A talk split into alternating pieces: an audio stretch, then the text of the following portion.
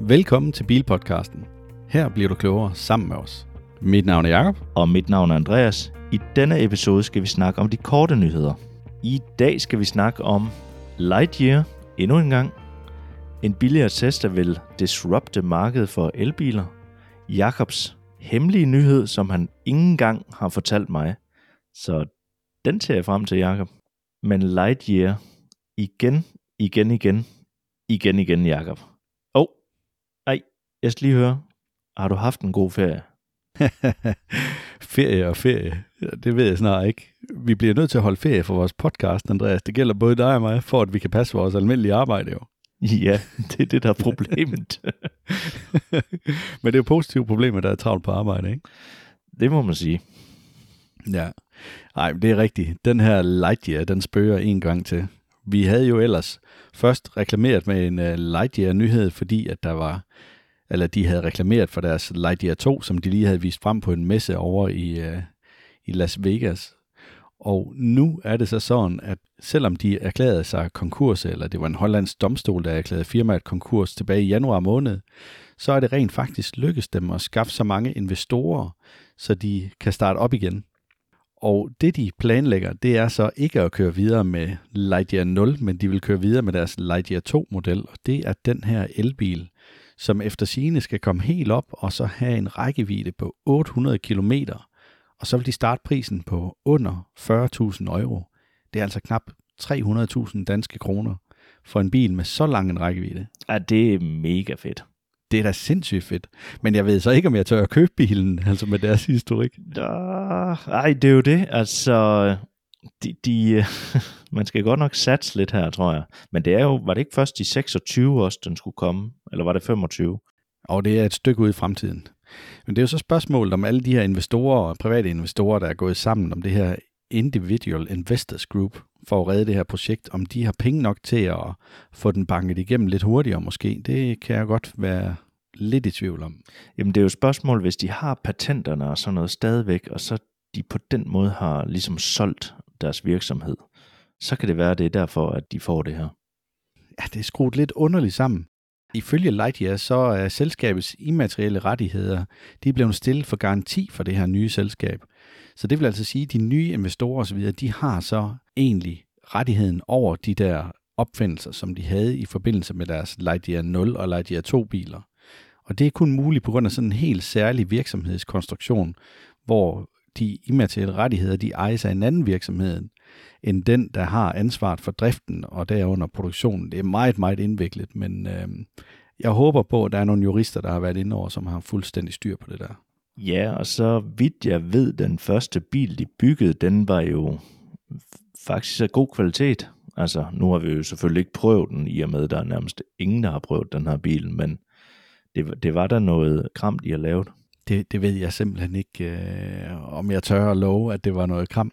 Der er kun kommet ganske, ganske få eksemplarer ud.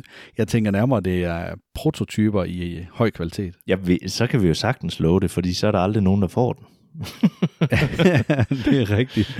Nej. Men jeg kunne også godt tænke mig, at vi måske bare var øh, lidt realistiske omkring det, vi siger.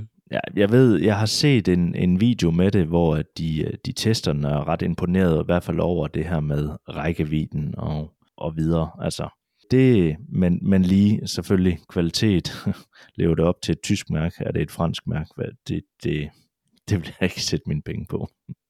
Nej, altså det er heller ikke noget, at jeg vil ture og gamble med. Så skal det simpelthen være fordi, at man gerne vil støtte op om projektet.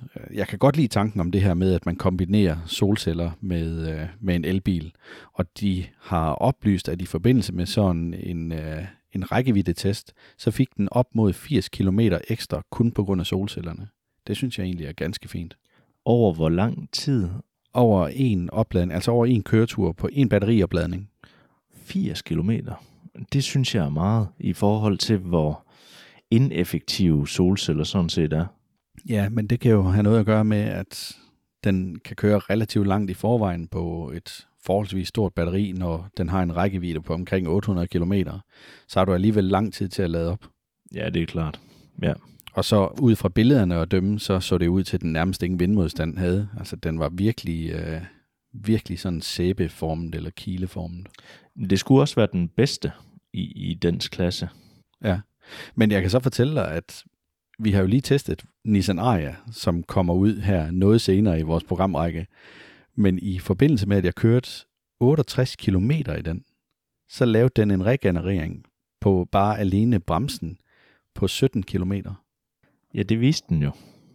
Ja, det var lidt sjovt, at den viste det. Ja. Men den bil kommer vi til at fortælle meget mere om senere. Det var en teaser. ja. Men Andreas, nu synes jeg ikke, vi kan vente længere. Nu bliver vi simpelthen nødt til at få lidt mere at vide om Tesla. Du er jo Tesla-mand. Ja. Det har jeg hørt ude i byen, Andreas. Ja, det snakker de om ude i byen, og der er sikkert også mange, der synes, de er trætte af at høre på mig om, om Tesla. Men øh, det her, det er jo sådan set, man har snakket om den her billigere bil i mange år efter Elon Musk han præsenterede den tilbage i 2020. Og det er altså en, øh, en bil, vi nok skal regne med, der ligger i en prisklasse på omkring 200.000, måske 250.000. Da de har sat priserne helt vildt ned, så kunne jeg godt forestille mig, at den faktisk ligger ved om, omkring de 200.000. Ja, det er ret vildt, hvis uh, Tesla de kommer med det. Det er den, de kalder for Tesla Model 2, ikke? Sådan i daglig tale. Ja, altså de har ikke kaldt den noget nu, og Elon har også understreget, at den kommer ikke til at hedde Tesla Model 2. Okay, Elon, du er på fornavn med Ja, ja. Jeg kan også kalde ham Mr. Gutten. Men øhm, det er simpelthen så billigt, at jeg tænker, Nissan Leaf og MG4 og Byd A23, de, de, skal, altså, de får benhård konkurrence her, hvis den bliver så billig. Spørgsmålet er også så, hvad det er for en kvalitet, der er i den.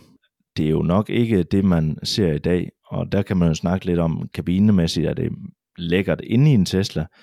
Den er måske sådan kastet lidt sammen, nogen, nogle gange i hvert fald. Men øh, det hører I mere om i vores øh, anmeldelse af Model Y'eren. Det er også lige en lille teaser, Jacob. Ja, den ligger så endnu længere ude i fremtiden. Men Ja. det er rigtigt, den har vi også på programmet. Men i hvert fald så har Mr. Gutten her, Elon Musk, planlagt at fortælle om en større masterplan for Tesla. Deres tredje store masterplan. Den har faktisk været tilgængelig længe, deres masterplan. Den kunne man gå ind og læse på deres hjemmeside. Men det her tredje skridt i selskabets store masterplan, det vil simpelthen feje benene væk under os. Spændende. Jeg er godt nok lidt spændt på, hvad det så er for noget. Men jeg har en lille idé om, at det han vil afsløre, det måske var raterne, men der er jo blevet fortalt lidt om det, så jeg er lidt i tvivl. Men i hvert fald så har de jo udviklet en ny radar, og så kan man sige, hvorfor så det her Tesla Vision? Og hvis I ikke kender til Vision, det er, at Tesla de baserer deres autopilot på kun kameraer. Og nu vender de altså tilbage til en radar, som de ellers havde taget væk, fordi at den var forvirrende for hele systemet. Det er meget underligt. Efter jeg har kørt i elbiler, som kun og udelukkende har kameraer, som, det, som elbilen simpelthen skal orientere sig efter, så kan jeg godt forstå, at der kommer en radar tilbage i Teslaerne. Ja, altså min den virker meget usikker, synes jeg. Altså den virker lidt som en øh, skoledreng, der lige er ude at køre for første gang. Skal jeg give helt gas, eller skal jeg... Nej, jeg vil ikke helt, men Men der skal heller ikke ret meget skidt på de der kameraer, før at den ikke kan orientere sig ordentligt. Der kan en radar altså øh, se igennem regnvejr på en anden måde. ja, den brokker sig i hvert fald nogle gange over det. I og med, at det så kun er kamera, så synes jeg egentlig, at den gør det rimelig godt. Men der er stadigvæk et kæmpe men. Fordi jeg tænker jo altid, en radar og kamera, det vil være mere sikkert. Begge dele. Ja, men det bliver svært, hvis du skal holde bilen på omkring de der 200.000, som han snakker om. Og der kunne jeg godt forestille mig, fordi han, han siger jo, og har altid sagt, at når du køber din bil, så kan den køre selv. Altså du skal bare betale softwareopdagen. Men selvfølgelig som alle andre, så bliver teknologien jo bedre og bedre. Der kommer der hardware 4.0 til øh, self-driving. Altså det her selvkørende program. Og det hed nu her 3.0. Men der kan man altså ikke opgradere fra 3.0 til 4.0.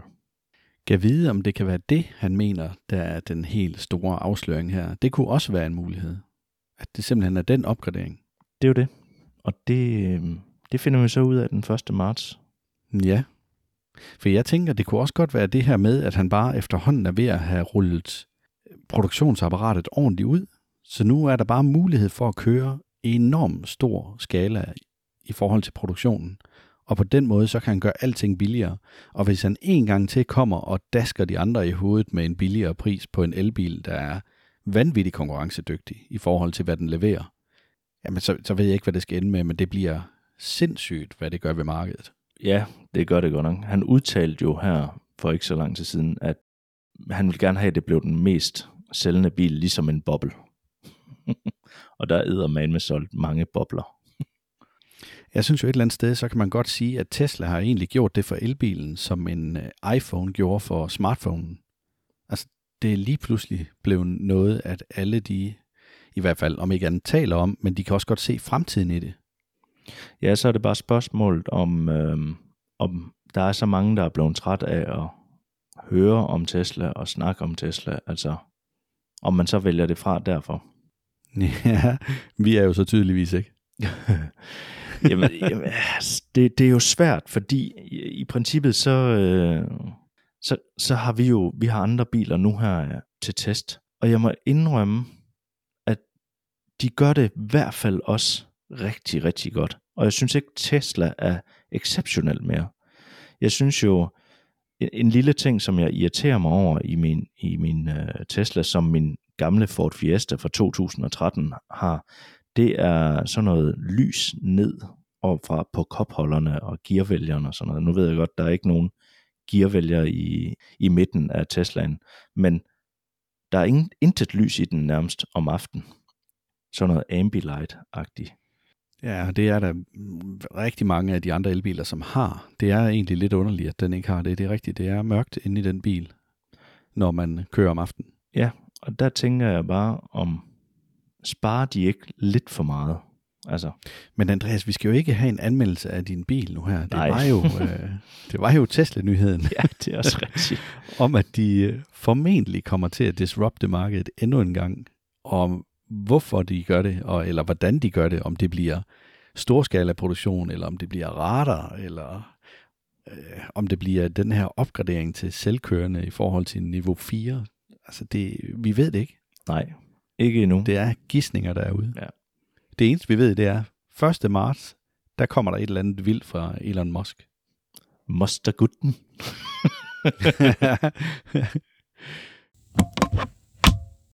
Men Andreas, skal vi springe videre til min hemmelige nyhed?